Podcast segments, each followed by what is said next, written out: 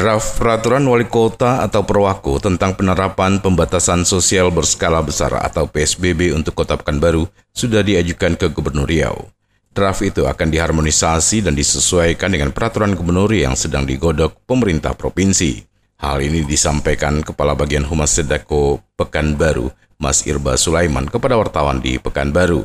Lebih lanjut, Irba mengakui lembaran perwaku tersebut memang telah beredar namun itu baru draft yang berisi poin terkait aturan dan larangan hingga sanksi selama PSBB. Di dalam draft itu masih terdapat koreksi di beberapa poin aturan tersebut.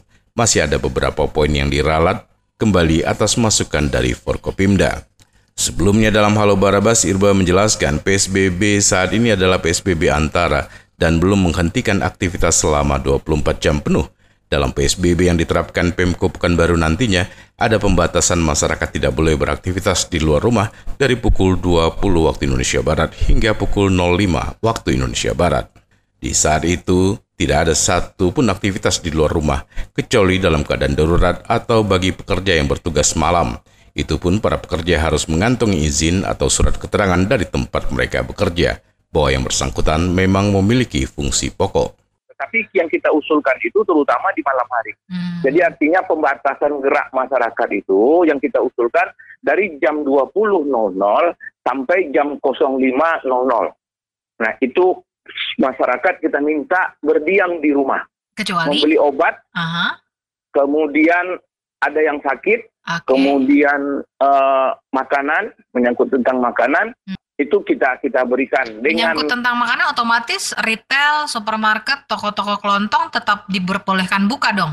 Buka pasti oh, karena itu itu adalah ekonomi masyarakat, hmm. tetapi tidak lagi mereka sistemnya makan di tempat. Hmm. Nah, take away artinya oh. mereka beli kemudian mereka bawa pulang.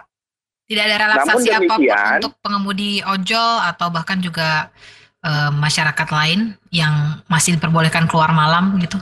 Tidak ada ya, ya sama terutama Oh, okay. ter terutama mau bagi mereka yang bekerja malam hari. Oh. Kan ada beberapa masih industri-industri kita yang yang industri pakai keahlian tertentu ya. Hmm, ya Kemudian ya. ada petugas-petugas tertentu mungkin mereka petugas jaga di rumah sakit ya, gitu. Ya. Mereka yang yang pergantian shiftnya mungkin di atas jam 8 itu kita kasih izin sepanjang mereka memegang izin itu mereka membawa surat keterangan makanya pada waktu kita rapat hari Sabtu ini salah satu yang ditanyakan oleh uh, PLN wilayah, kemudian hmm. yang ditanyakan oleh Pertamina ketika mobil mereka membawa pergerakan gas atau BBM itu hmm. di atas jam 8, Gimana? artinya mereka jangan ditahan gitu kan. Itu kita setujui. Malah waktu itu Pak Pak Gubernur menyarankan Bapak Kapolda juga, nah si sopir membawa surat keterangan. Sedangkan untuk siang hari masyarakat dapat melakukan aktivitas masing-masing dan wajib mengikuti protokol kesehatan.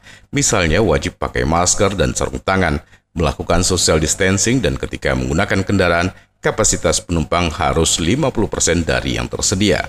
Akan ada sanksi yang memperkuat aturan dalam perwako terkait PSBB yang diterapkan. Irba menyebutkan sanksi yang dikenakan bagi masyarakat yang tidak mengindahkan perwako adalah tindak pidana ringan berdasarkan dengan perda dan peraturan undang-undang yang berlaku dengan ancaman kurungan hingga tiga bulan penjara. Prima Ermat, Tim Liputan Barabas melaporkan.